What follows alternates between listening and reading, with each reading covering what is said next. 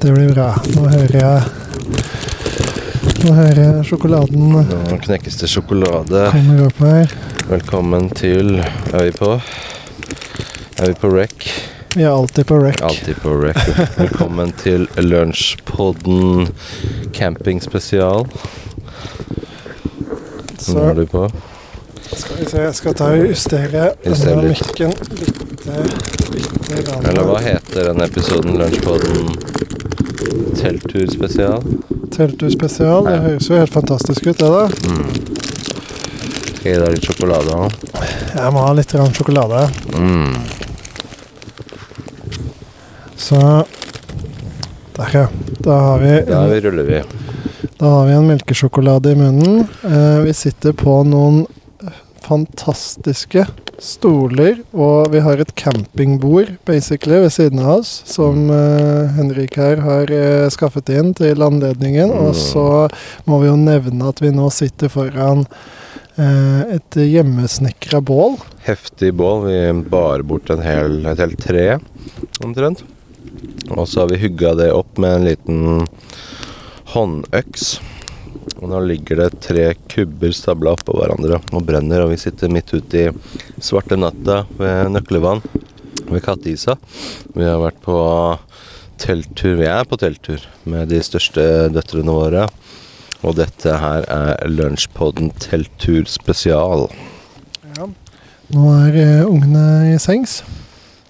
Mm. Mm. De sover. Så vi tok med kidsa ut på en liten, uh, liten lunsjtur. mm. Så det, det ble langhelg. Og det her er jo første helgen som Oi, det ligger en gnist der borte ved Luna. Gidder du å ta den? Jeg har med hund ut. Eh, jeg har med hund ut på tur. Jeg har med barn ut. Og det er første turen som da datteren min eh, Cornelia er med og er ute i to døgn. Sover ute i to døgn. Ja, det er stas. Ja, det er gøy. Det er gøy. Det byr på litt sånn andre utfordringer. Mm.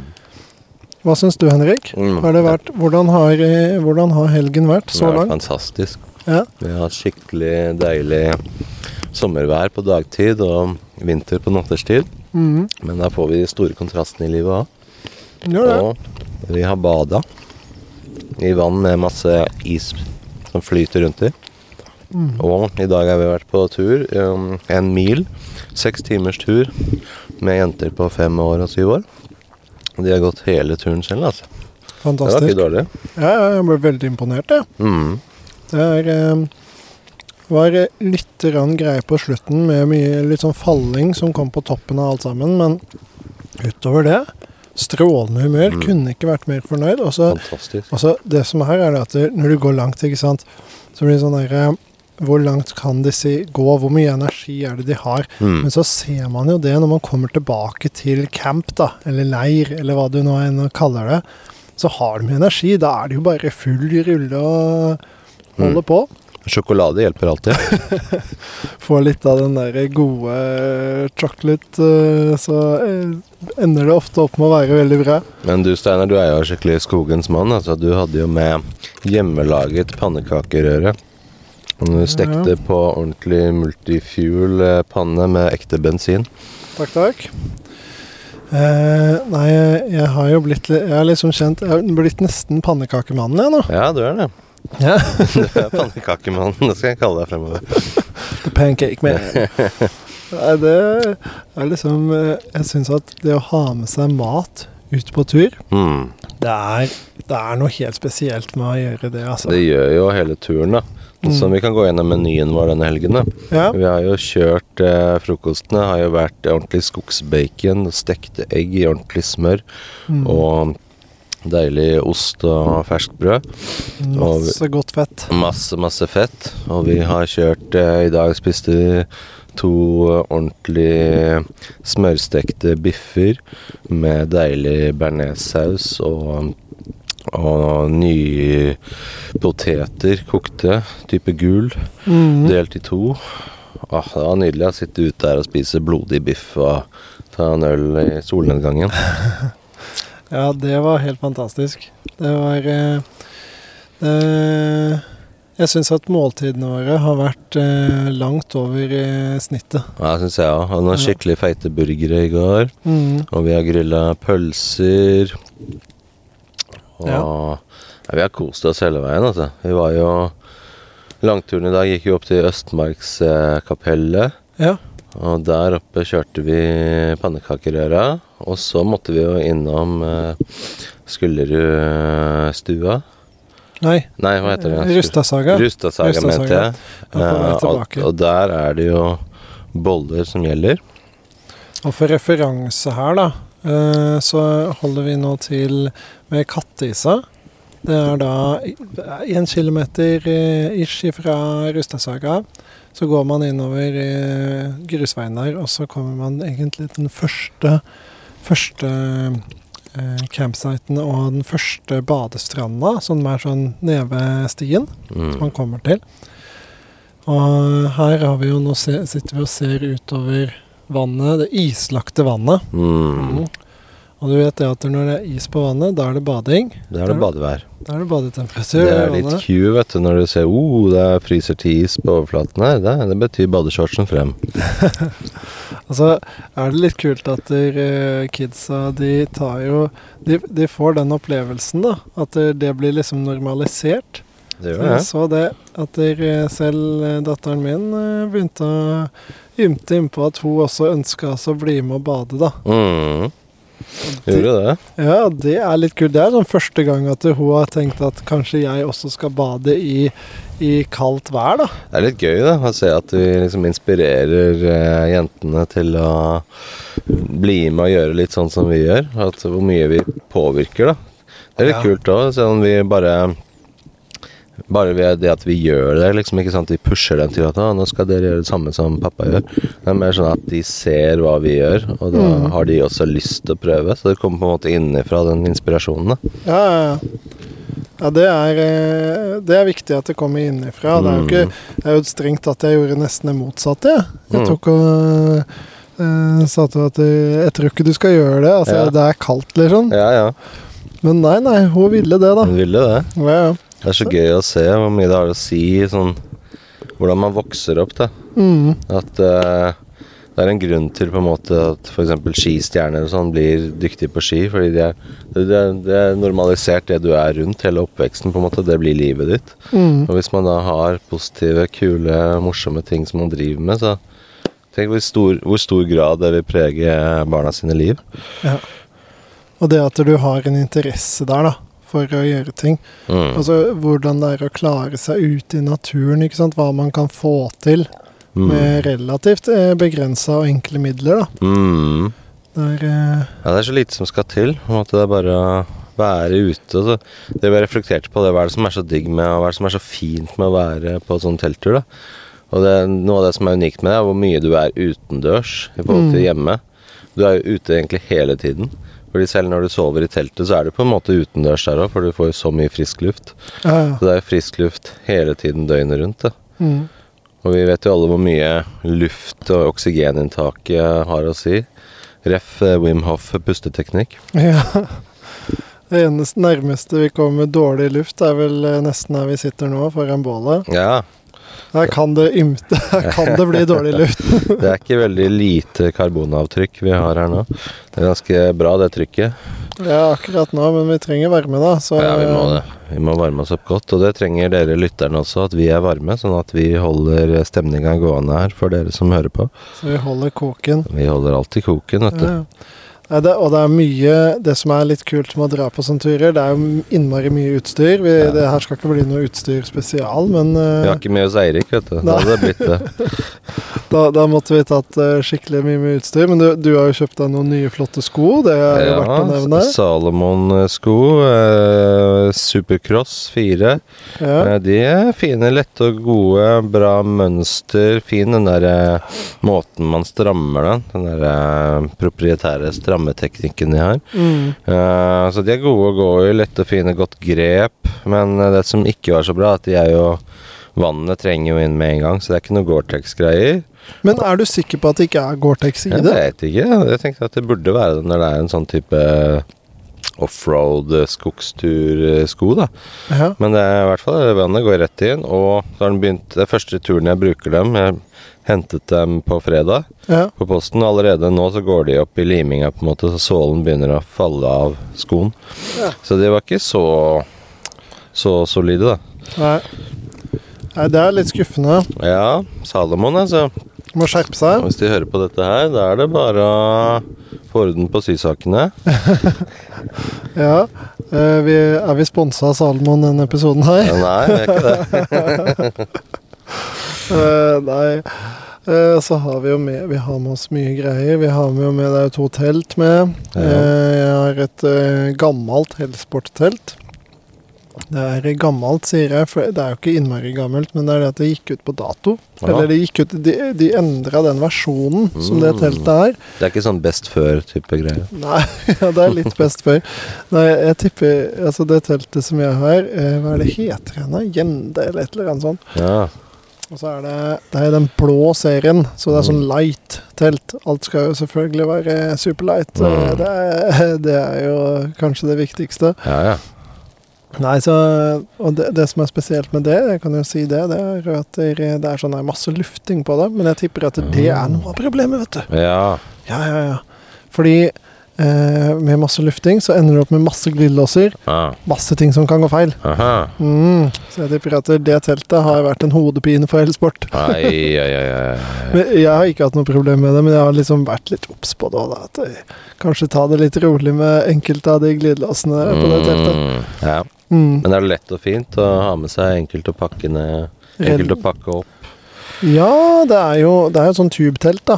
Ja. Eh, så det er liksom du det, er- det er jo like lett å sette opp som alle andre tubetelt. Du har tre stenger som går gjennom eh, gjennom teltet, og så er de litt ulik størrelse. Det var også en ting som jeg falt for ved det. da Mm. For du har i eh, holdt på å si spisestuen, men ytterteltet, Mm. så har du relativt grei sånn takhøyde, så du kan liksom sitte helt ok. Jeg som er litt høy, da, kan sitte der uten at det er noe problem. Mm. Også, og det er litt sånn fint hvis du skal kle på deg. Og så smalner det da inn mot fotenden i teltet. Og det er smart. Ja, eh, og det som er fint, er at da blir det jo begrensa plass. Du begrenser det litt. Grann. Og så, hvis det er kaldt, da, så ender det opp med at du trenger Det blir litt varmere, innbiller jeg meg, inne i Mm. teltet. Fordi at det er mindre luft, og du trenger egentlig å varme opp inni der. Så Mindre volum å varme opp, ja. ja, ja, ja, så jeg merka jo det bare nå. Jeg skulle legge kiden, ikke sant. Og så er det Du kommer inn i teltet der, og så skal du gå ut igjen, da. ja. Liste deg ut. Så merker jeg at du, bare du lukker opp, da, så bare Å, det er, det er en del Det er temperaturforskjell her, altså. Ja, det er det, ja. Ja ja, kjenner det med en gang, se. Ja, Kjenner det på hofta. Ja, det gjør det. Ja. ja. du kjente Det var ganske kaldt nå i natt, altså. For det var jo litt interessant, for det var så varm dag i går. Gikk i T-skjorte, satt og sola. og 17-18 grader. Ja, alt sånt. Og så kommer natta. Og så er det sånn at eh, vannet som vi bada i i går, det var jo på en måte Hele Nøkkelvannet er fullt av is, men akkurat inntil kanten her, inntil land, så er det en liten åpning hvor det er eh, rent vann. Der vi Ja. bader, vet du. Ja, men da vi våkna på morgenen, så var jo den islagt igjen. Mm. Så det var jo minusgrader antagelig, da. På, Ja, det må, må ha vært minus. Og så vet du jo det at når vannet fryser på den måten der, så betyr jo det at vannet ikke kan være noe særlig mer enn fire grader. Ja. Ellers hadde det ikke frøset. Nei, men da hadde ikke vi badet heller hvis det var noe særlig med fire grader. Det er ikke noe interessant, vet du. Nei, det må, det må være Du må liksom kjenne det. Det må påvirke ja, nervene. må bite litt. Ja, Ja, ja, ja. det er helt magisk. Men eh, nei, jeg kjente det um, i natt at det var litt uh, kjølig på nesa. Ja. Men eh, Men du bra klarte Men sånn ellers så var det greit, eller? Soveposen var bra. Kjøpte noen gode soveposer som heter jeg tror det er Urberg G3. Som Ja. er en three season sovepose. Så den holdt oss varme og gode. Både til deg og kiden, ja, eller? Samme til begge to. Så hun Ja. sov jo kjempebra og var varm og god hele tiden. Og Ja. så var det egentlig bare på hodet som jeg måtte lære noen triks av Steinar her. da Han sa at du må bruke lue vet du, om natta når du sover. Det har ikke jeg tenkt på. Det skal jeg jo teste i natt. Jeg bruke Jeg bruker eh, ute, så med mindre det er liksom veldig varmt, da, så bruker jeg alltid lue. Ja. Og så tar jeg trikset òg, da. Det er jo å Hvis det er kaldt, så må man jo bruke den hodegreia som er på soveposen. Ah. Så det passer jeg også veldig på. Så du, i de fleste soveposer så har du jo da den snurpinga som du kan dra rundt huet, sånn så du På noen så kan du snurpe så mye igjen at det kun er munn, munn og nese som stikker ut, ikke sant? Det er fint. Det er fint. Da, da er det bra. Mumi. Ja, det blir en mumie. Eh, nei, og så eh, har du jo i tillegg så har du jo gjerne en snurping som er da rundt eh, sånn skulderhøyde. Ja. For den, de, det, tek, det, den tar jeg og sørger for at du lufta får liksom enda vanskeligere med å komme seg ned i resten av posen, da. Mm. Eh, Så det er sånn eh, Det er sånn jeg prøver å dra litt til, da. Hvis jeg merker at det nå begynner det å bli litt kjølig utover. Jeg har jo også en sånn såkalt tresesongs, men den er jo selvfølgelig superlight, Mm. sånn som alt må være. Det må det. Og det betyr at den takler ikke minusgrader, egentlig. Mm. Den går kanskje Jeg tror jeg kan ligge komfortabelt ned i sånn tre-fire grader, men sånn som det var da, så er det egentlig ikke komfortabelt. Men da er det jo triks to. Det er også å ha med seg lakenpose. Ja. Ja, det er fint. Hva er en lakenpose, egentlig? Er det bare et laken som er i en poseform?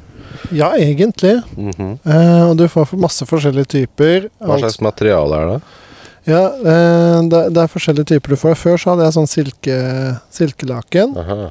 Og så får du dem i eh, Du får dem i sånn flisstoff. Aha. Og så får du dem i eh, Du får dem i eh, eh, bomull. Men så får, har de kommet også mer i sånn derre kunstfiber-type stoff. Ja. Det er, det er den jeg har nå, da. Den er eh, Jeg vet ikke helt hva den er laga av. Det er noe sånn der som liksom skal være bedre, bedre varme varmesystem på, da. Riktig. Og det fungerer egentlig veldig fint, syns jeg. Det, det er ikke det at det er noe voldsomt stor forskjell. Jeg tror kanskje litt var, bitte litt varmere. Ah. Lite knepp enn kanskje en vanlig silkepose, men eh, den er veldig komfortabel. Det liker jeg. Den er liksom myk og god. Ah. Ja. Riktig. Og, og en annen bra ting med det, da, eh, det er at den beskytter posen din. Mhm. Hvordan da? Nei, fordi når du svetter og sånn, da, så svetter du i den. Ja. Og den kan du jo vaske, gjerne, med mindre du har silkepose. Det, er jo-. Det var jo det som skjedde med silkeposen min. Ja. Etter da man skulle vaske den her, og det Ah. kan du ikke gjøre, for da blir silka ødelagt. Ai, ai, ai, ai. Mm. Shit. Hva var fordelen Shit, med at det var silke, liksom? Nei, eh, det er jo glatte, da. Ja, så det er egentlig bare komforten av å ha det på seg. Det er ikke noe sånn at det puster mer, eller Jeg er ikke noe fan, egentlig. Altså, Ja. Når jeg har prøvd denne posen jeg har nå Du får dem overalt. Jeg husker ikke hva de heter. Det er noe sånn derre heat-greier. Hvis du søker på fjellsport og poser, så finner du det med en gang. Okay. Ok. I- vi er sponsa av Fjellsport, er vi ikke det? Fjellsport.no. Ja. Bruk eh, koden eh, lunsjpodden etter hvert, når vi Ja. blir sponsa på ordentlig. Ja. Da kan du sikkert få 25% Men vent til vi er sponsa sånn helt på ordentlig, da. Ja, send en mail til dem, vet du. Ja, send, ja, send masse mailer. Si Mm. at dere må se og sponse Lunsjpodden, Fordi da får vi 25 Ja, Så kom i gang og gjør det nå. det er oppfordring, det der. Mhm. Ehm, nei, du ser dem overalt, da, spesielt på sånne butikker som det der. Og så Og jeg syns bare den er mer komfortabel, fordi eh, en silkepose La oss si at det er litt varmt, da. Det ender opp med å bli varmt, og du vet jo Sånn som det er ute i naturen, ikke sant. Mm. Så blir det sånn derre Ok, det er kaldt, jeg dekker meg ordentlig godt til. Mhm. Men så plutselig så er det jo ikke Da er det ikke kaldt lenger. Ah. Ja. Og da Da sliter du, ikke sant. Mm. Da ender du jo fort opp med at eh, du har svetta litt. rann, Og da er ikke en silkepose noe digg lenger. Blir det en våt silkepose? Da blir det en våt silkepose. Ah. Og silke er jo supertynt, ikke sant? Så det blir litt sånn klistrete. Så se for deg den følelsen. Åh. Det er ikke bra, vet du. Men vi må gå gjennom alle de der skalaene som fins på sånne soveposer. For det er jo sånn der comfort-greie, comfort-nivå, T-scale, eller hva det heter for noe. Kan du alle de greiene der? Jeg, ikke, jeg hadde stålkontroll på det Ja. eh, når jeg var på soveposejakt, men så har jeg liksom mista litt. eh. det er i hvert fall Eh, et eller annet mål om, som sier noe om hvilken temp nedre temperatur den er komfortabel å bruke. Ja, du har jo Greia er at du har jo flere Du har komfort i gjerne eh, komfort skiller seg også mellom gutter og jenter. Ja, hvorfor det? Det aner jeg ikke helt. Jeg tror jenter er litt kaldere, eller litt mer Ja. sånn der at de fryser Føler i hvert fall at de fryser kanskje lettere enn det Ja. de gjør. Ja, ja, ja. Så hadde, hadde jeg skulle tatt med dama ut i det her, så hadde jeg definitivt måttet ta med vinterposen, som har en komfort på minus 20 eller et eller annet sånt. Da, det er en bra pose for damer på vår og sommer. Ja. Det er ikke tull heller. Ja, nei, det er ikke tull heller. Så det er eh, det, det måtte jeg tatt med da. Eh, men du har jo sånn limit-temperatur i hvert fall, og så har Mm. du komforttemperatur. Mhm. Og kom, jeg mener jo at eh, limit skal vi holde oss langt unna. Mm. For jeg mener limit-temperaturen på posen min, den er vel sånn minus én, eller et eller annet sånt. Og så har den vel Mhm. komfort på kanskje fem, Eh, mener jeg. Så det er liksom den nedre grensen den er komfortabel ved. Det er ikke en øvre grense. Uh, nei, du har vel ikke noe øvre, for du kan jo alltid lukke den opp, ikke sant? Ja, sant. Ja, men, Ja. men du ville jo ikke tatt med en pose som liksom har komfort på minus 20. Det, Nei, ikke, det, blir ikke, det blir ikke veldig komfortabelt på Ja. sommeren, det. Ja. Um, så uh, Og så greia er jo at det, det er jo egentlig komforttemperaturen som er viktig her. ja. Den limit-temperaturen den bør man jo helst holde seg veldig langt unna, riktig. tenker jeg, da. Så hva vil du egentlig anbefale av poser? Bør man ha flere forskjellige poser for ulike årstider? Eller skal man kjøpe sånn der all season eller three season og sånt? Jeg tror det at det sommerpose i Norge Det eneste sommerposen egentlig funker til, det altså hvis det er skikkelig sommer i Oslo, liksom, Så så funker Ja, da funker det jo. Ja. Eller så har du jo muligheten til å bruke den basically som en lakenpose på turisthytter og sånn. Ja. Det funker jo greit, da. Mm. Og så har du Eller så har du tresesongen, da. Mm. Og det er jo egentlig den klassikerposen Ja. som funker for alt unntatt vinter. ja.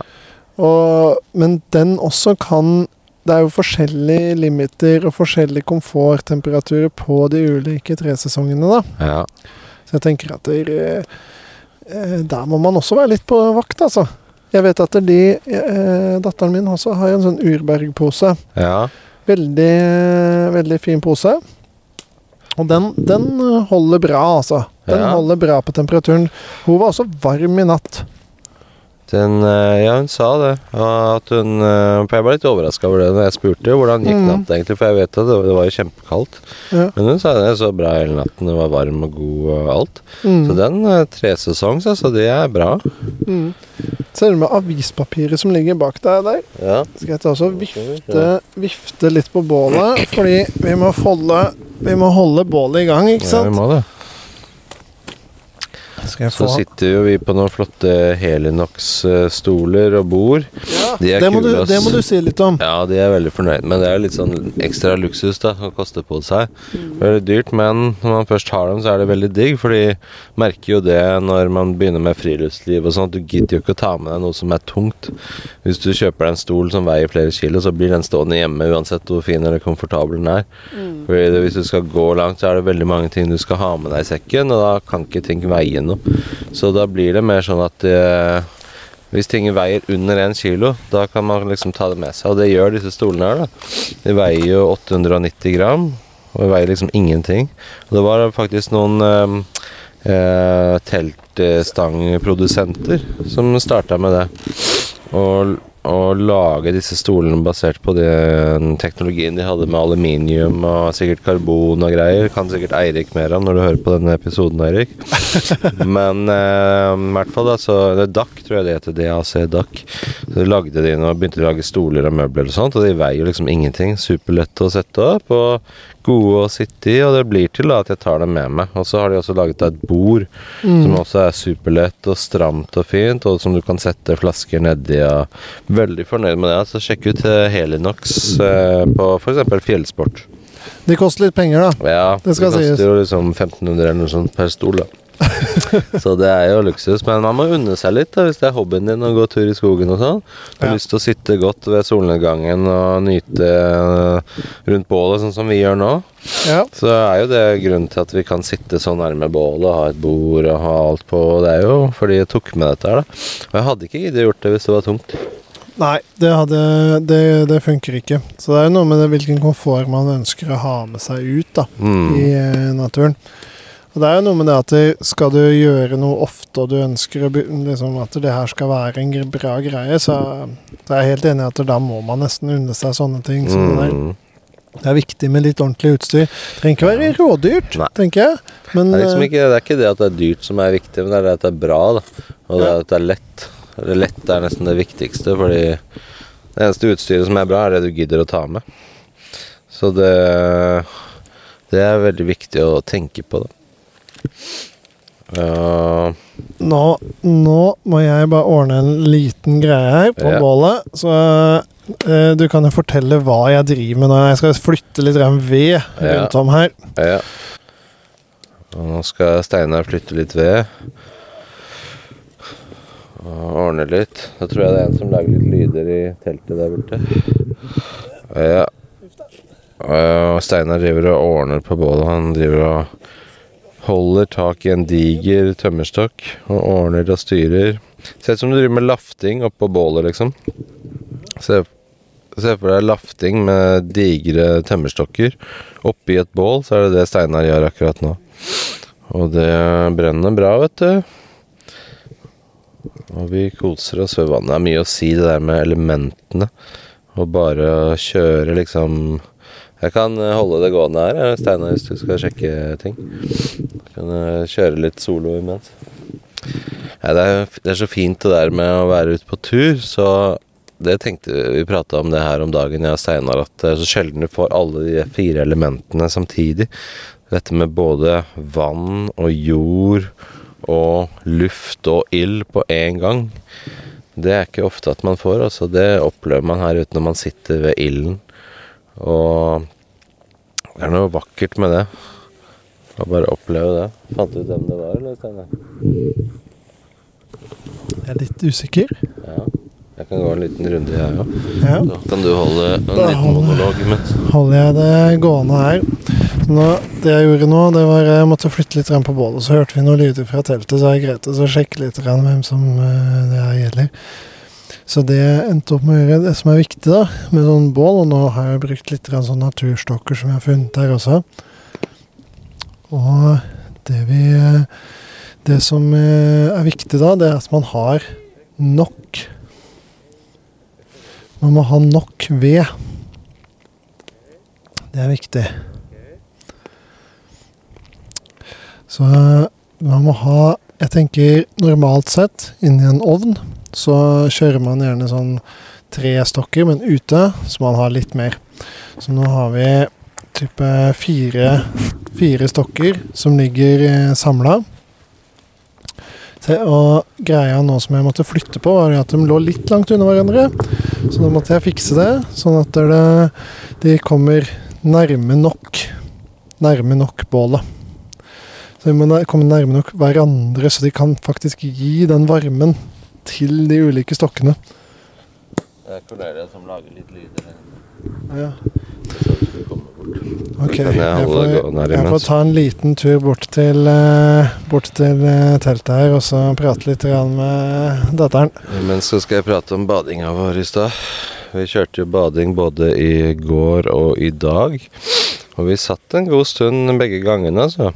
Og det var eh, Vi har kommet liksom dit at det koster ikke så mye å sitte lenge. For oss er det på en måte I starten så er det jo liksom det sjokket med å sette seg ned i isvann som er sånn tre-fire-fem grader kaldt. Det er jo på en måte Da får du jo den der refleksen at du puster etter eh, luft, og du på en måte Du får den der eh, kuldesjokkrefleksen, men hvis man klarer å komme seg over den, altså sitte litt lenger, komme seg over ett minutt, to minutter Hvis du klarer å holde ut det, så stenger liksom kroppen ned, og du får den der vasokonstriksjonen, som det heter på fint. Det betyr at måte, blodkarene i ekstremiteten, altså bein og armer, hender, de stenger ned, sånn at du tåler kulda mye bedre. Og alt blodet ditt, all varmen din, går til det sentrale delen av kroppen, sentrale organer.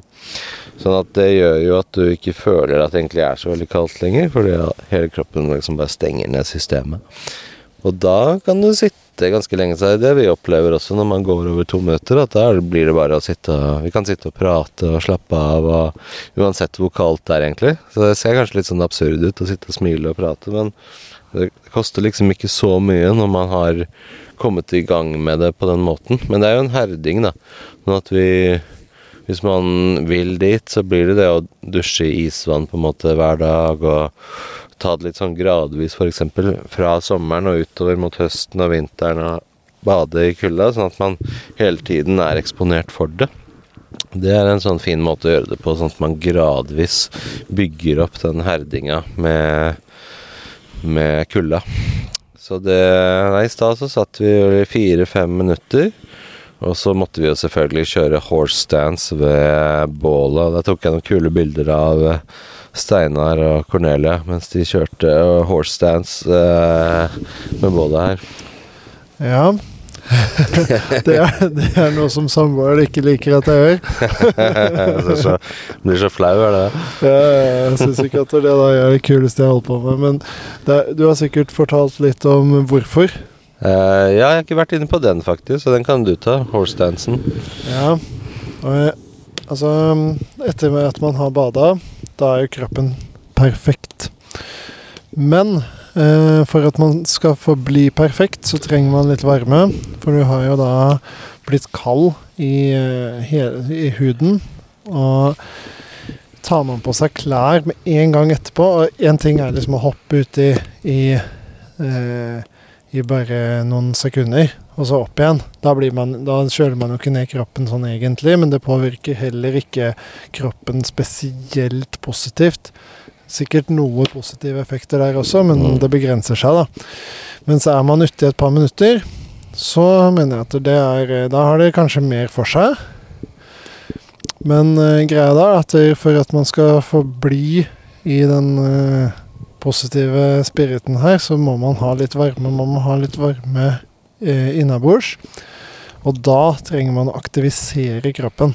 Og greia da er at det du ønsker, det er altså sørge for at blodet ikke begynner å sirkulere ute i huden, men du ønsker at det skal sirkulere inne i kroppen. Du skal bruke de store muskelgruppene. Og da, de store muskelgruppene på kroppen, det er jo rumpe og lår, det. Så man må gå ned aktivisere dem. Men ikke drive oss og hoppe rundt, for da begynner blodet å strømme ut i huden også. Men kjøre på da med, med statisk. Og det å stå da i type 90 grader Stå i hockey. Ja, mens man da beveger overkroppen sakte, så horse stand, sånn som i hvert fall vi og i hvert fall sånn Wim Hoff og de her gjør det, da. Mm. Det er jo en slags sånn tai chi-tilnærming eh, til det. Det fungerer veldig bra. Men det går helt sikkert an å gjøre andre ting også. Jeg tror det at du, hadde du tatt planken, da, så kunne du kanskje fått litt den samme effekten, men du hadde ikke aktivisert rumpe og lår like mye da, mm. med det. Og så gjelder det jo da selvfølgelig å puste. Det er jo veldig viktig. Mye av de store muskelgruppene inni kroppen ligger jo rundt lungene. Så å få lungene til å gå det, det, er viktig for å opprettholde varme. Har man gjort det her litt, og ikke bare sånn noen sekunder, men gjør man det her et par minutter, og man er litt kald, man merker at da blir man varm, altså. Er enig i det? eller? Ja, det gjør det. Altså. Det er så utrolig hvor effektivt det er. At uh, Hvis man ikke gjør det, hvis du har sittet lenge da Dette er jo ikke for de som på en måte bare hopper ut i kaldt vann og så rett opp igjen, for du rekker bare ikke å kjøle deg ned på samme måten. Men hvis du sitter lenge, sånn fire-fem minutter pluss, mm. så vil du ellers oppleve det som heter afterdrop, da, som gjør at du da sitter og skjelver og er, føler deg veldig kald i etterkant. Men hvis du gjør dette horse dance, da, så er det utrolig hvor effektivt det er. At uh, du etterpå da kan bare føle deg helt fin og ta på deg klærne igjen og fortsette dagen din, på en måte. Bare med alle de positive elementene som kommer ut av det. Istedenfor mm. å sitte og skjelve, sånn som jeg gjorde i starten når jeg ikke hadde peiling. Og ikke mm. visste om de der eh, teknikkene der. Så ble det jo da, hvis man satt veldig lenge, så begynte man liksom å faktisk bli ganske kald, da. Mm. Og da det, det, er greit å ikke måtte oppleve det, for det er ikke nødvendig, på en måte, hvis man kan litt teknikker. Så det er lurt å, å, sjekke ut hvis du er en som hører på nå og er litt sånn nysgjerrig på det der med å bade i kaldt vann. Og jeg lurer på egentlig, hvis du tenker Jeg har sett litt på det her. Så du ser liksom eh, Luna, da, hunden min her. Hun hoppa uti helt i starten når vi kom til leir. Mm. Jeg var ikke så veldig fan av det, egentlig, fordi eh, det ender jo opp med at du har våt hund, og hvis hun skal inn i teltet etterpå og sånn, så er det våt hund i telt, det er ikke noe særlig. Mm. Men heldigvis så tørker hun ganske fort, da. Men hun hopper jo uti. Ikke noe stress i det hele tatt, virker det som, å gjøre det. Mm. Og, jeg, og så tenker jeg liksom, du har jo dyr som hopper uti det her. Og hvor langt vekk vi har liksom kommet, da. Ja. Fra det der. Fra det primale. Ja. Du skal jo ikke lenger tilbake, egentlig, fra den tiden hvor folk ikke hadde strøm, da, elektrisitet. Så var det på en måte ofte Hvis du skulle vaske klær og du skulle eh, vaske det, så var det å hoppe i elva, da. Du kunne selvfølgelig fyre opp en sånn badestamp med ild og sånn, men hvor ofte gjorde de det, tror du? De, jeg tror ikke de gjorde det hver gang de skulle vaske seg. Tipper de bare hoppa ut i elva, uansett hvilken årstid det var, og bare vaska seg. Og tenk hvor mye mer herda man var på den tiden da. At det var bare sånn ja, ja. Vann er vann, på en måte. Det spiller ingen rolle. Ja, ja. Og Jeg hadde en refleksjon her. Mm. Jeg vet ikke om du husker, husker det, men jeg, jeg sa Du husker det sikkert. Mm. Jeg sa at der, eh, eh, når, vi, når vi bodde her i Norge for eh, x antall hundre år siden, da, Mm. så var det jo sånn at der, da var Fett er viktig, Mm. sukker er viktig, salt Ja. er viktig. Egentlig alt som i dag blir sett på som negative ting, Ja, ja. det var jo dødsviktig Mm. for kroppen. Ikke sant? Talt. Eh, mens i dag så er det mer et problem fordi Mm. vi har blitt for komfortable, fordi Ja. vi har tilgang til dette hele tiden. Mm. Men kanskje det samme gjelder varme. Mm, det vil jeg Ja. tro. Det er en god refleksjon. At For vi er jo varme hele tiden. ja, og, og greia er at det, liksom, fett er jo bra for oss eh, til en viss grad. Og, og vi er for komfortable, og sammen med kanskje gjelder kulde at vi rett og slett, siden vi, vi søker varmen, fordi det er jo viktig for oss altså Bor du ute i naturen, så er varme kjempeviktig. Sånn som Mm. nå fyrer vi bål Mm. for å holde oss litt varme her ute. Mm. Og eh, se for deg liksom steinalderen du sitter ute. Varme er kjempeviktig Mm. for oss å klare å overleve den vinteren. Mm. Det er Fyringsvakt, og da skal ikke sove på jobb, liksom. Nei. Da må du være på ballen. Jep. Mens nå, nå er varme så lett tilgjengelig, Mm. og det er ikke noe vi trenger å kjempe for, akkurat samme som sukker og fett. Mm. Kanskje det rett og slett er at vi, vi, vi burde ha vi, Jeg tror vi har veldig godt av da, å komme oss kanskje litt ut i kulda. Mer enn det vi Ja. gjør. Og øke litt mer det der eh, omfanget av hvilke eh, grader vi eksponeres for, på en måte. Vi kan ikke bare gå rundt i 20 grader pluss hele tiden. Det blir som en muskel, ikke sant. At det er sånn Hvis du aldri trener, aldri eksponerer muskelen for noen påkjenninger, så blir den heller ikke noe sterk. Og jeg tror det er litt sånn med nervesystemet vårt og huden vår og musklene våre og vårt indre termometer. da, At vi trenger å være eksponert for ulike elementer. Og det er jo litt morsomt også. Før i tiden så hadde jeg tenkt at liksom, oi, hvis du går ut i det vannet der nå, så blir du forkjøla. Da blir du sjuk. Det er det du lærer hele tiden når du er barn. Og det er nok mange som blir det òg, tror jeg. Ja, ja, det kan hende, altså. Ja, fordi du, du kan er, Men da tror jeg det er fordi at kroppstemperaturen dropper, da. Man kan Ja. liksom ikke teknikkene, ikke sant? Nei, det er det, det er det det går på, at kjernetemperaturen din går ned. Mm.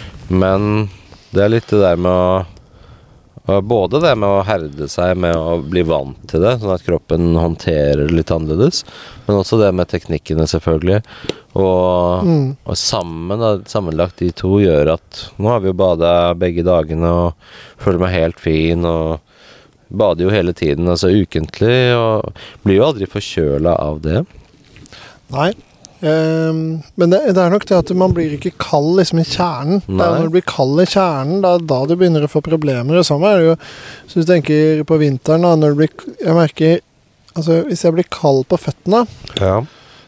i hvert fall tidligere, da, Mm. så da, da, kan, da har jeg vært i risikosonen okay. for å Mm. kunne bli syk. Mm. Kanskje ikke så mye nå lenger, men uh, fordi rett og slett man jeg, jeg merker at kroppen tåler mye mer, da. Ja.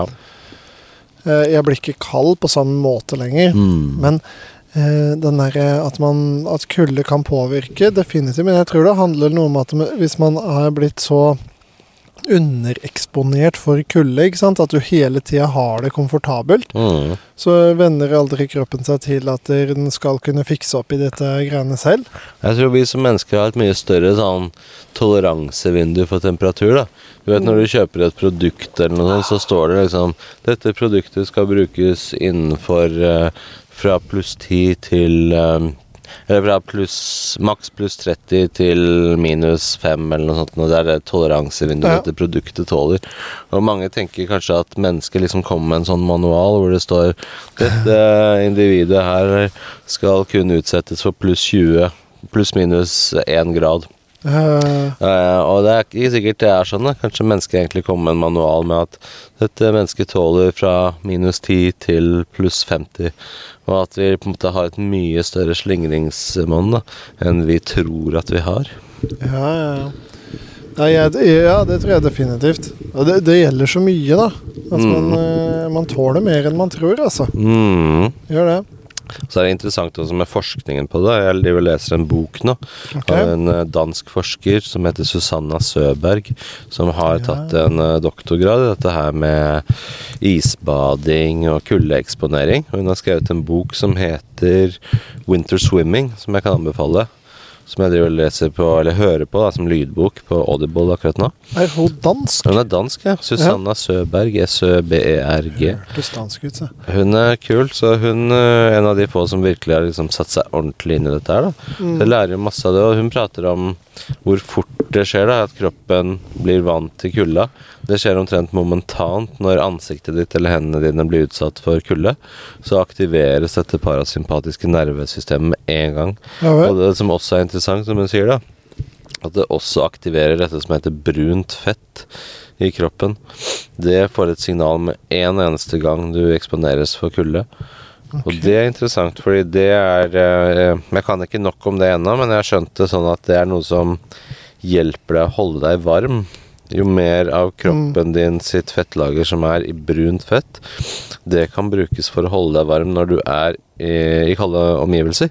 Mm. Sånn at uh, du har jo uh, litt forskjellige ting som hjelper deg å holde deg varm. Det er jo musklene dine, og det er fett. Og hvis Ja. du har Musklene de, liksom, de skjelver jo og sånt når det blir veldig kald, så du vil unngå det. Men dette brune fettet da, kan hjelpe deg å Altså det metaboliseres, og du bruker det for å holde deg varm da, når du utsettes for kulde. Og det har hun funnet ut av at det aktiveres med en eneste gang. Så det er masse sånne kule nye ting som man forsker på, som man skjønner at har med kulde å gjøre, som, er, som har helsegevinster. Da. Har de funnet ut om man kan bygge opp det brune fettet i noe vesentlig Ja, jeg tror de faktisk fant ut det. At det gjør man faktisk ved å utsette seg for kulde. At da får du større og større andel brunt fett. Da. Det er interessant, for jeg, mener at der har det vært noe greier tidligere med at folk trodde ikke at det gikk an å bygge opp det. Ja, da. jeg tror, ja, ikke sant? At de trodde det var en myte. Ja, du trodde at det eh, Det var noe du var født med, den mengden brunt fett. At Ja. du kunne ikke påvirke det selv. Mm. Men det er interessant at de liksom har funnet ut hva den funksjonen til det fettet har. At det Mm. faktisk hjelper deg med å holde deg varm på en annen måte enn det vanlig fett gjør. Det gjør ikke det på samme måte. Mm. Det er veldig kult. Veldig Mm. kult. Føler du at du har mer brunt fett? Jeg, vet ikke. Jeg føler det på den måten at jeg blir jo bare mer og mer og mer komfortabel med kulda. da. Så jeg vil jo tro at det skjer noen fysiologiske endringer. Jeg tror ikke det bare er mentalt. Mm. At jeg bare liksom er liksom blitt sånn sterk til sinns og å, nå er jeg tøff og det er Jeg tror ikke det er bare det. Nei. For jeg merker mye mer at jeg er mye mer avslappet. At vi kan sitte og prate sammen, og vi kan sitte og smile, liksom. Og jeg kunne Mm. ikke det i starten. Da var det bare sånn å, shit, shit, shit, shit, shit. Jeg pusta mye mer. Ja, jeg pusta mye mer. Nå skal jeg klare det, nå skal jeg klare det, nå skal jeg klare det. Men nå er det mer sånn Ja, dette var deilig. Mm. Ellers, liksom. Vi kan bare snakke sånn som vi snakker nå. Ja. Så det må jo ha skjedd noen slags fysiologiske endringer for, for å tilpasse seg det. Ja. Jeg vil tro det. ja, jeg vil tro det. At det I hvert fall om det er huet eller om det er kroppen. Vet Eller begge deler, da. Begge deler, mest sannsynligvis. Sannsynligvis. Ja. Og så er det gøy å tenke på hvilke andre fordeler det har. ikke sant? Immunforsvar og hormoner og evne til stresshåndtering. Mm. Og, og det er det som er kult, at det, den evnen til å håndtere det ukomfortable også da smitter over til andre deler av livet ditt. Mm. Sånn at når det skjer andre ting som er ukomfortable, Så bare oi, shit, jeg klarer å håndtere det òg. Ja. Fordi jeg har fått så sterk kontroll på sinnet mitt med å gå inn i det som er det mest ukomfortable jeg kan tenke meg, og Ja. så håndtere det. Mm. Men over til noe annet. Når du er ute i naturen her, Henrik eh, Nå er det jo litt med barn og sånn, da. Som er, eh, det er sånn stressfaktorer. Ja. Men, eh, men fø- føler du at der, eh, Føler du at der, du blir mer rolig? Ja, jeg gjør det. Absolutt. Absolutt. Jeg føler at det er liksom naturlig habitat, da, nesten, for mennesker. Det er liksom her. Det er her vi stammer fra. Det er her vi Mm. hører hjemme, på en måte. Vi hører ikke hjemme egentlig i byer med glass og asfalt og betong og stål og Det er dette her vi kommer fra. Det er dette her som er det naturlige. Mm. Så jeg føler jo mye mer ro. Mm. det er Mm. mye mer sånn Og det er mye mer umiddelbart. Og det er mindre liksom, fokus på tid. Jeg tenker ikke hva klokka er. Nei, det er For det er mye å si. Mm. Jeg driver ikke og sjekker mobilen hele tiden om noen har ringt eller meldinger eller sånt. Jeg Mm. tenker ikke på hva klokka er. Sjekker ikke noe mail. Mm. Og det er liksom bare Det er hva neste Ja, hva er neste måltid? Hva skal jeg spise for noe? Nå skal jeg spise det, og så etterpå skal jeg kose meg med det. Mm. Det, er, det er en forenkling da, Mm. av dagen Ja. ned til eh, back to basics, nettopp. da At det er Ja. Hva er det som er viktig, egentlig? Jo, det er å være sammen med deg og liksom datteren min og Cornelia, og, og Mm. måtte være med de du er glad i, å være med de nærmeste, og så er det mat. Og så er det sette seg i vannet. Det er, liksom, det er, det er mye mer sånn forenkling av livet. Mens det vanlige Ja, ja. livet er så komplisert. Det er så masse ting. Det er mailer, det er jobb, det er liksom avtaler, det er Ja, business og det, Den forenklingen gjør at livet blir lettere. ja, hvis du tar den der, da. Den der eh, bare tiden forsvinner litt, men når man er ute, føler jeg også. Det er sånn nesten man må passe litt på, ikke sant? for plutselig er det mørkt. sånn som Ja, ja. Og, og, og det er etter kontrast da, fra veldig mye annet. Fordi ja, ja, du kan liksom dra på et eller annet event, da. Eh, der hvor eh, du sjekker kanskje ikke mail og sånne ting, fordi at du er opptatt med det du holder på med. Men det her er det stedet der jeg faktisk ikke sjekker klokka engang. Mm, ja, virkelig. For det Klokka. blir irrelevant. Klokka den er på himmelen, vet du. Ja, Men tiden har ikke noe å si her, liksom. Det er ikke noe, Hva skal du med tiden, på en måte?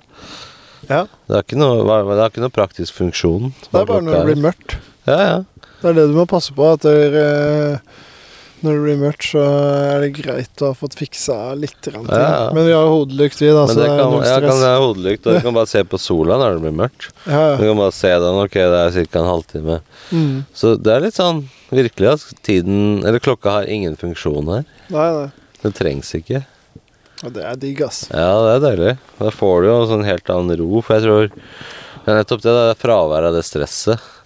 For det Mm. stresset som er i det vanlige livet, er jo det Jeg burde gjort det, jeg burde gjøre det, jeg burde gjøre sånn. Mm. Men nå er jeg sånn, men jeg burde egentlig gjøre sånn. Mens når jeg er her, så er liksom tanken at nå gjør jeg akkurat det jeg burde gjøre. Ja, ikke sant? Ikke Det, sant? det er ingen, ingen andre steder jeg burde vært nå. Det er akkurat her jeg burde være. Mm. Her i skogen, her ved vannet, her ved i vannet, her i teltet, Mm. her med dere, her ved bålet. Det er akkurat det jeg burde gjøre, er liksom følelsen. Ja, ja.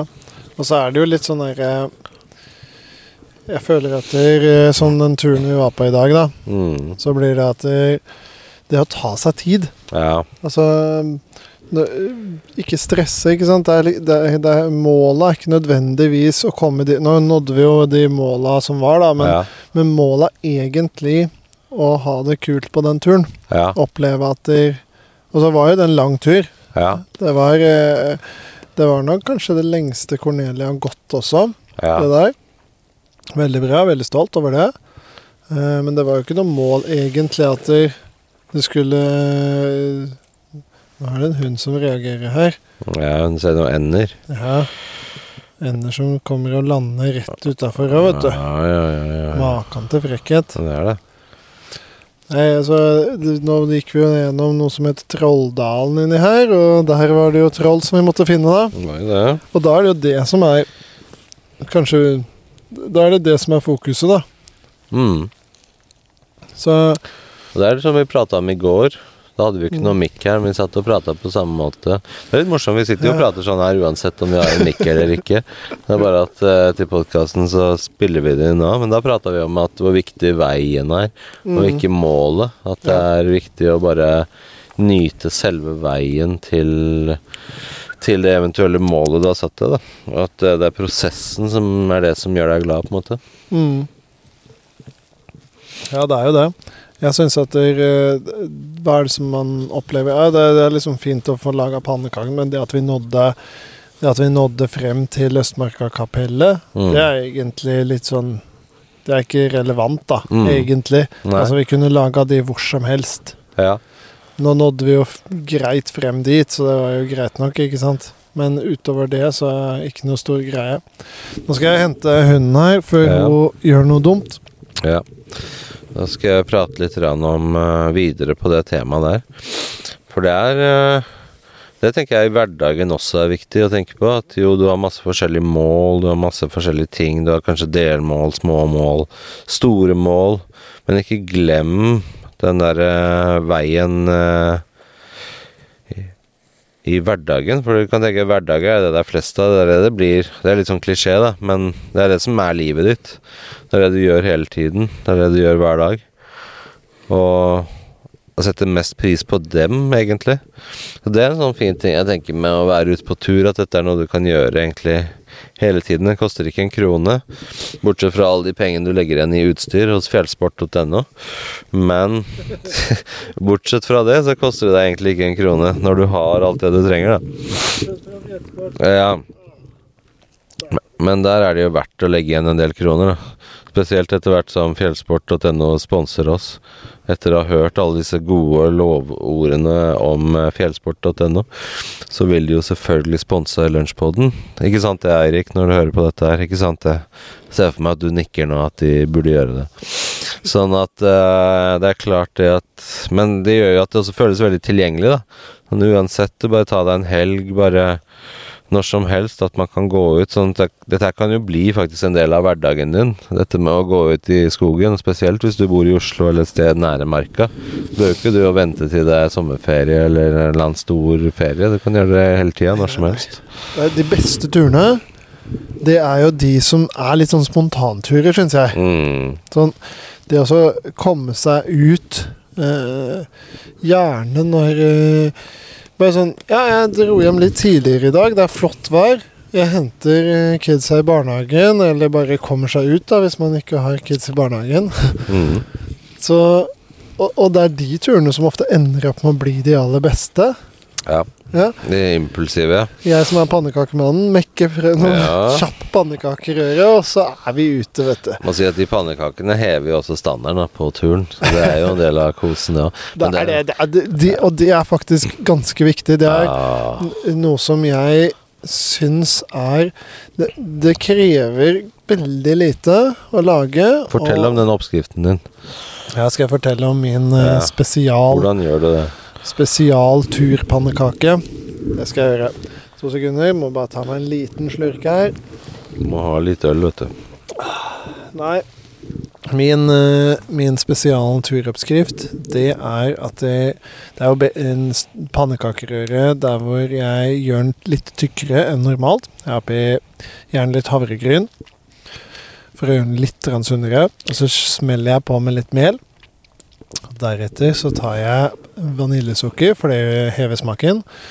Og så Og det er viktig det at man trenger ikke sånn ekte vaniljesukker. Fordi hvis du varmebehandler det, så har det ingenting å si. Det ødelegger eh, den der vaniljearomaen uansett. Så du kan like gjerne bruke den der standarden fra Freia. Den Mm. der blå pakningen. Og så tar jeg bakepulver, for jeg ønsker i ute, da, når jeg er på tur, så ønsker jeg at de skal heve litt. For jeg har Mm. funnet ut, er det at da blir det litt lettere å håndtere disse pannekakene. Ja. Eh, hvis de skulle sitte litt fast, så er det faktisk litt enklere hvis han er litt tjukk Mhm. å håndtere den her. Eh, så derfor har jeg på litt bakepulver, og så tar jeg også oppi rikelig med sukker. Eh, en dæsj med sukker. Eh, for det skal jo være ikke sant? Du er ute på tur, du har brukt krefter, og så Ja. er det noe med det at når du har oppi sukker, så hever det smaken på en måte som gjør at At det er eh, det, den, Du trenger ikke noe tilbehør til den pannekaka. Mm. Så, så har jeg på en liten dash med en liten klype med salt. Og så, eh, hvis jeg har vanlig røre, da, så må du jo smelle på med da kanskje litt grann melk, litt grann smør, og så tar jeg vann. For du trenger ikke fylle på så veldig mye med melk egentlig en pannekake. Eh, det har ikke så mye å si for smaken, faktisk. Og så er det jo selvfølgelig egg. Men hvis du skal ut på tur, og du skal gjøre det her light, da dropper du eh, både vann og melk. Og så har du med deg egga ut. Fordi du, egg må du nesten ha, og så kan du gjerne ha en liten smørklump også med deg ut. Mm. Eh, og eh, nå glemte vi jo smørklumpen i dag, da. Men eh, det jeg Ja, egentlig hadde tenkt, det var jo det å ta en liten smørklump, smelte den i panna. Eh, sånn at du får eh, sme smelta smør. Og så har jeg den oppi da en tørr røre uten noe fuktighet. Smekk oppi egga, og så har du vann. For eh, der også er det jo kjekt med sånn vannfiltreringssystem, så du slipper å gå med masse vann ut på tur. Yes. Så hvis du er i nærheten av sånn som vi er i nærheten av vann, ikke sant. Nøkkelvann, vi var ved rundt vann i dag. Um, det kan være utfordringer med is, selvfølgelig, men da Det må man sjekke ut på forhånd. Får du bare litt isbiter i vannet. Apropos utstyr, det er kanskje noe av det mest praktiske og mest eh, verdi for pengene jeg har vært borti. Altså. Slippe å bære store flasker med vann. Bare ha et sånn vannfiltreringssystem som bare kan Mm. helle oppi vann fra bekken eller elva eller sjøen eller vann, vannet du er ved. da Mm. Og så filtreres det når du drikker, eller en sånn treliter som du har, som du henger opp opp ned ved et tre, og så setter du flasker under, så drypper det nedi. Ja, det er innmari praktisk. Anbefales. Skaffe koster ikke så innmari mye å kjøpe de I hvert fall ikke hos fjellsport.no.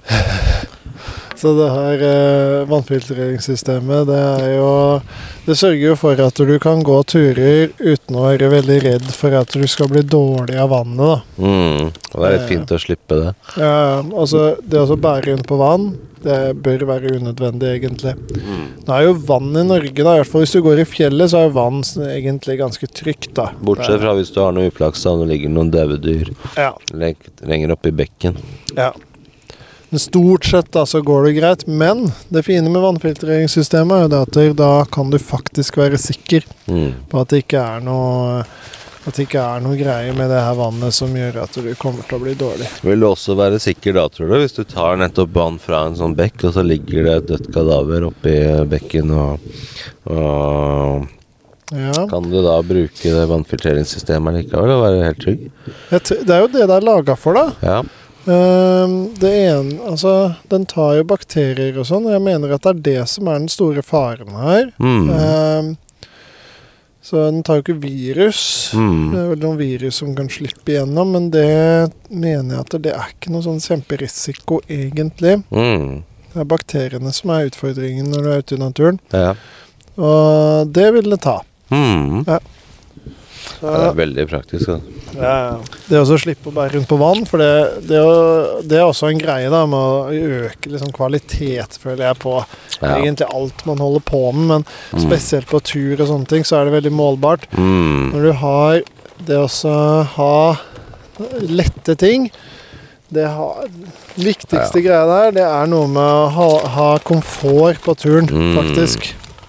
Komfort er deilig. Så kan du heller Det ukomfortable er noe du velger frivillig når du skal ha. Sånn som f.eks. isbade og sånn, men det er det som er viktig. Nøkkelordet er det frivillige. Sånn at uh, du velger å gå inn i det. Mens uh, du kan jo ha komfort på de andre tingene når du tar unna kvota di av det ukomfortable valgfritt. Og Da er det greit med komfort ellers. Man skal kose seg på disse turene her. Og nå har Steinar fått ordentlig fyr på bålet. Altså, du er en skogens mann. Jeg har sagt det mange ganger i dag, men han har peiling, han der eh, Steinar, altså. Takk for det. Nei, det Man må få litt fyr på det bålet. Nå har vi litt for store kubber, egentlig, på det bålet. Til at eh, vi burde hatt noe smågreier i Mm. tillegg. Men, men. Vi får klare oss med det vi har. Det er ikke Klokka begynner jo å dra på seg til også, lite Mm. grann. Ja. Gjør det. Men se at det, i, Nå er det ikke like mye i dag, da, for det skal jo regne i natt. Mm. Og det blir en utfordring, det også. Det blir gøy, da. Det Får du blir gøy. det òg? Ja, ja, ja. Og det, det at det regner, er i utgangspunktet kjempefint når du er ute på tur. Mm. eh, Sånn hvis du er inne i teltet Det er koselig, da. og du har forberedt deg litt på det, da. Mm. Men eh, regn er jo selvfølgelig en utfordring. Og så er det jo det at nå er det jo Du ser rundt deg, vet du, at det er ikke så mange. For i går så var det jo masse sånne små bålplasser rundt om som ble fyrt opp. Ja. Mm. Mens nå veldig lite. ja, folk har fått med seg den værmeldinga, vet du. Så de er litt sånn redde for det der eh, regnet. Det er det. Men jeg skjønner ikke helt det, for hvis du har telt, så er jo det vanntett. Og hvis du har uh, hengekøye med tarp, så er det jo også safe. Og Ja. jeg syns det bare er koselig. I hvert fall når du ligger inne i teltet og hører det der eh, regnet på teltduken. Så er det veldig hyggelig, da. Det kan bli veldig koselig. Ja. Helt definitivt. Ja, ja. Det som ikke er så kult, er hvis du skal drive og pakke sammen, og teltduken er helt våt, og så skal du drive og rulle den sammen. Og det må vi jo da i Ja, morgen. det må vi. Det er, men jeg teltet er ikke noe problem, egentlig. Jeg, jeg synes at det, for, for den eh, kan du liksom Den må du henge opp hjemme, da. Ja, tørke det- litt. Ja, den må tørke. Det er sånn den der, tri triks og tips og triks. Er at du burde, Hvis den er våt, så burde du få den ut og tørke den før du ruller den helt sammen, vel, og pakker den unna. Ja, du må i hvert fall ta den opp når du kommer hjem, Ja. og så må du må du få tørka den da, henge den opp. Hva Eh, skjer ellers hvis den er fuktig og Nei, da blir den muggen. blir den, ja? Ja, ja, da blir den skikkelig muggen. Ja. Så gjelder det å få tørka Gjelder det å få tørka det godt Ja. når du kommer hjem. Men det gjelder jo egentlig soveposer og alt mulig. ja. Så i morgen, da, så er det jo siden det er vanskelig å si, men mest sannsynlig så er ikke jeg, stoler ikke jeg på at det her blir eh, tørt uansett. Så da Mhm. tar jeg og henger opp alt når jeg kommer hjem. Og det gjør det, ja. Ja, Og hvor henger du det opp da? Det er litt forskjellig. Jeg tenker eh, Jeg har sånn carport hjemme, Ja. så da tenker jeg at he- te- teltet det slenger jeg opp der. Ja, det er smart. Får hengt opp. Uh, og så har jeg soveposer og sånn. Det bare legger jeg det, det er jo ikke sånn veldig vått, så det det er bare snakk om at det skal tørke i innetemperatur, så jeg er sikker på at det ikke er noe fuktighet der. Ja. Um, og så med liggeunderlaga, fordi jeg gidder ikke også bruke den der integrerte pumpa som er i dem. Fordi det tar år og dag å Mm. bruke den. Det tar så lang tid. Mm. Så da ta, har jeg en sånn liten pumpe hjemme, da, sånn elektrisk, som jeg bruker på det. Så jeg blåser det opp et par ganger, tømmer den et par ganger, Mm. og så satser jeg på at da funker ting fint. Mm. Så Ja, det er smart. utover det så er det ikke så veldig mye annet som trengs å tørkes, egentlig. Nei. Liksom matter og klær må du liksom Jakka di tørker du jo på den måten du ellers ville gjort, da. Ja. Ja, det gjør jo det. Er det noen som gjør smeller av fyr, fyr, fyrverkeri? Og der reagerer Luna, vet du. der reagerer hunden, for det der syns hun ikke noe om. Mm. Ser ut som det er, det er russetid når vi spiller inn dette, vet du. Så det er antagelig noe Tror du det er russer? russetreff For da, det er eh, ikke noe musikk nå. Nei. Kanskje det er litt sånn eh, tok jeg en Frydenlund IPA her. mm. Det er ikke feil, det, altså. Nei. Det var helt riktig, faktisk. Ja, det har vært en eh, deilig tur. Altså. Vi må gjenta dette her. Vi prata om faktisk her om dagen i går, var det vel. Og hvilke andre typer turer vi kan ta. Da var du inne på noe Hardangervidde-greier, var det ikke det? Ja, nei, det var jo et annet innkjøp jeg gjorde, der vi hadde store planer om også gå gjennom Hardangervidda. Ah. Eh, fiske, fiske meg gjennom Hardangervidda, basically. Ja. Eh, ha med meg litt for lite mat, så jeg, du må, må liksom fange litt fisk. ja. Men det hadde egentlig ikke trengt å være Hardangervidda. Det kunne vært eh, andre steder òg, det, da. Eh, men det er jo en litt sånn heftig egotripp, da, ja, ja. å gjøre det. Men det må man ha innimellom, det. Ikke dumt, det. Og så prata vi om uh, Vi så noen som red på hester her i stad, hvor kult det hadde vært. Ja, ja, å dra et sted å leie hester, liksom. Og det kan du gjøre på Hardangervidda. Å ja. Ja, ja, ja. Så det også, da kan du jo ta en etappe der hvor du rir hest, f.eks. Ja, Ah, det hadde vært gøy, altså. Det hadde vært veldig gøy. Ja. Og så har du jo masse andre sånne flotte muligheter. Eh, Det spørs litt hva man er ute etter. da. Jeg er veldig glad i Otunheimen, egentlig. ja. Så jeg har en plan om også i år Det, det skal vi få gjort, eh, Henrik. For de har en plan om å løpe Besseggen i hvert fall. Ja. Ja. Eh, for vi har jo begynt med løpekjøret også, vi. Ja, skal løpe tre mil vi nå snart. Ja. Gru, gruer du deg? Uh, nei, jeg gleder meg egentlig til å bare Til å bare liksom komme i det målet, men også se at jeg klarer det. Ja. Den mestringsfølelsen, på en måte, da. Ja. Så jeg gruer meg ikke sånn, fordi eneste jeg konkurrerer med, er på en måte meg selv. Ja. Så jeg konkurrerer liksom ikke på tid, at jeg må klare den den tiden. Men det er mer sånn at jeg skal klare det å løpe tre mil. Ja, ja, bestå det, liksom. ja. Nei, jeg, jeg ser den eh, jeg, jeg, Den verste kritikeren er jo seg sjøl, selv, selvfølgelig. Ja. Og ja, det, det jeg er mest spent på, er liksom jeg Det å gjennomføre det er nå én ting. Men det å gjennomføre det på tid, ja, det er en litt annen greie. Ja, det er det. Det er det jeg er mest spent på. Men det, jeg tror det er et nøkkelord, det der med at den verste kritikeren er deg selv. Ja. Men hvis det er det, da burde du også passe på at den beste heiagjengen også er deg selv. Det er det ikke. Nei, det burde det være, for da balanserer du det ut. Vet du. Da kan du godt være den verste kritikeren din hvis du også er den beste heiagjengen. Ja. ja, ja, du sier noe der, altså. Kanskje jeg burde ta det til etterretning. Og, Ja, burde det. For da kan du liksom rettferdiggjøre da at det var greit, du er eh, verste kritikeren, men på den andre siden da, så har jeg også evne til å være min beste heiagjeng og heie meg selv frem og ja. liksom stå på, da. For da, da, da fyller du begge de rollene. ja, jeg hørte det var, det var en sånn basketballspiller eller noe sånt som ble stilt eh, det, det spørsmålet. Og eh, han ble stilt et spørsmål om eh, Er du ikke redd for å skuffe fansene dine? Og så sier han bare My fans will never, ever, ever exceed the expectations that I have yeah. towards myself. Never, never, Ja, never! den er fin. Den er fin. Så du har bare mye høyere forventninger til seg sjæl enn det du kan forvente fra noen som helst det, andre. Det er sant, det, altså. Så det er noe å tenke på, egentlig. At uh, Være bevisst på det, hvordan man prater til seg selv. Det er det. Mm. Sørge for at man er uh, altså, Ja, man skal ha liksom forventninger til hva man klarer, men kanskje realistiske forventninger, da. At det ikke Mhm. blir liksom bare tull. Ja. Det er jo noe med det at så, Sammen med den løpinga vi har, ikke sant, at det, jeg tenker jo det hadde jo ikke vært en realistisk forventning å gjøre det på noe særlig eh, Særlig tid eller Nei, nei. noe som helst hvis vi ikke hadde lagt opp også en trening til det, da. Nei. Nå, har jo den blitt litt sånn bob-bob, Ja, ja. eh, føler jeg, men det er i hvert fall et grunnlag der da, som Ja. gjør at man eh, man bør kunne gjennomføre det her med relativt OK stil. Ja, og så klare å gå dagen etter hadde vært kult. Ja, ja, ja. Nei, men det tror jeg skal gå fint, faktisk. Ja. Ja, det er stor tro på at det skal gå greit. Eh, Jeg har mål om å gjøre det her uten å få skader, Mm. og egentlig Ikke det at jeg skal løpe dagen etterpå, men være i form til å kunne løpe dagen etterpå. At jeg føler at det er ikke noe tap, liksom. Jeg, jeg kunne Mm. fint ha gjort det, da. Ja.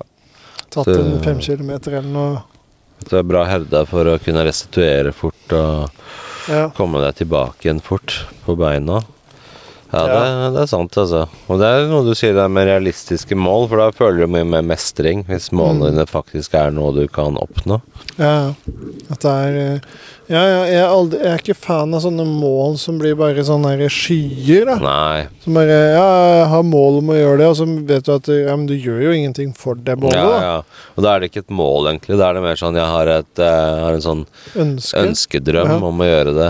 Men det er egentlig ikke et mål. Et mål er jo noe du faktisk jobber for å gjøre, da. Ja, ikke sant? Mange som har ønskedrømmer, men som de aldri setter i gang med å gjøre. Mm. Ja, det Ja. Og, og det har jeg også. Mm. Ønskedrømmer som jeg skulle gjerne ha gjort det, men det er, det Mm. er ikke et mål før du faktisk begynner på reisen mot målet. Mm. Og der kommer vi tilbake til det vi snakka om i stad. Reisen er jo det som er viktig her. Yes. Ikke sant? Fordi det er hverdager det er flest av, på en måte. Ja, At du kan tenke på målet som en sånn der eh, perfekt feriedag, men hva med alle de hverdagene imellom der? ja, og det er det som er reisen din. Mm. Og jeg tenker jo, når vi er her ute, da Et mål er liksom å du, du, Det er i hvert fall masse delmål da som du er på vei på, men det viktigste er jo å være her. Ja. Til stede. Ja. Til stede i ditt eget liv. Det er liksom veldig klisjé å si, men det er jo så mye i det, da. Ja. At man glemmer jo det hele tiden. Ja. Så man må jo bli påminnet om det, selv om det er blitt en klisjé. ja. Man gjør det jo ikke, liksom. Føler du at eh, du er der? Eh, jeg føler at jeg er der nå, Ja. når jeg er i skogen. Da er jeg til stede. Da er du til Det er vanskeligere i hverdagen. Jeg prøver å gjøre det i hverdagen, men jeg føler at det er vanskelig, fordi du blir liksom dratt i så mange retninger hele tiden. Det er så mange ting du skal gjøre. Mm. Alle vil ha en bit av deg, liksom. Du burde liksom Det er nice, da. At alle vil ha en bit Ja, det er jo kompliment sånn, men liksom det er alltid noe du burde gjort på jobben, eller noe du burde Ja, ja, gjort hjemme. Du burde hatt mer tid sånn, burde gjort mer tid Burde gjort mer sånn. At det er liksom Prøve å legge fra seg det stresset, da. Ja. Jeg tror stresset er det som gjør at du ikke klarer å være til stede. Legge fra seg de der burde-tankene. Ja. Jeg burde, burde, burde, burde. Så bare sett en strek over det, Ja. og så bare prøve å være til stede i det du gjør akkurat nå, uansett. Mm. Liksom. Men det er Ja. lettere sagt enn gjort, da. Men det er jo Det er det. det er viktig. Jeg føler at du for oss å stresse ned, så jeg har jo kjørt litt sånn meditasjon og sånn, da. Mm. Eh, Jeg syns at det funker ganske bra. Ja. Eh, Men det er sikkert ikke for alle. Mm. Jeg tror nok det at for å få det til, så må man sikkert gjøre det nok til at man faktisk klarer å gjennomføre. Mm. Tror det er en hund som vil gå og legge seg her ja. borte. Vi skal nok eh, gå og legge oss nå straks òg, vel. Ja, det begynner å bli seint, vet du. Ja, det gjør det. Det Ja, begynner å bli seint. Har ikke sjekka klokka, vi, vet du. Nei, jeg har ikke klokke på meg, omtrent, tror jeg. Så det det begynner å nærme seg tolv nå, vet du. Ja. Og da sier Vofsen ifra Nå er den kvart på tolv, faktisk. Oi, shit. Ja, ja, ja. Heftig. Hvor lenge har vi holdt på med poden i dag nå? Skal vi se hva tiden viser. Vi er litt over en time. Ja. En time og kvarter. Holder på et par Oi. minutter til, da, så Ja. er vi på en time og kvarter. Ja, vi kan uh, begynne å gå inn for landing, da. på podden. Hva er det vi skal uh, si da? Nei, Vi må ta litt på turen her, da, uh, tenker jeg. For det er jo derfor vi snakker nå. Vi er mm. på tur. Vi, vi hadde en fantastisk tur i dag. Syns du det var for langt? Jeg syns det var passa. Det var akkurat på liksom Var på grensa, var på, På limit. grensa helt på slutten der. I forhold til barna. Mm. Men de klarte seg overraskende bra. De gikk jo hele den mila. Ja. Og det var skikkelig fin tur. Vi var så heldige. Blå himmel, sol. Mm. Superfin løype du fant der. Liksom Opp fra Kattisa, Nøklevann, opp til Østmarkkapellet og ned igjen mot Rustasaga. Veldig fin eh, løype. Masse flotte stier. Mm. Både til gåing og løping og sykling. Og Ja. veldig hyggelig løype å gå. Og veldig god stemning og Nei, veldig positiv dag. Det er Ja. Fin måte å fylle dagen litt på også. Det er jo på tur sånn Når du telter, Mm. så kan du jo velge å bare være på teltområdet, men Mm. det er faktisk fint å se litt også, oppleve litt og titte litt og du da bruke beina. Ja, da bruker du beina litt, og så har du mer en campsite. Mm.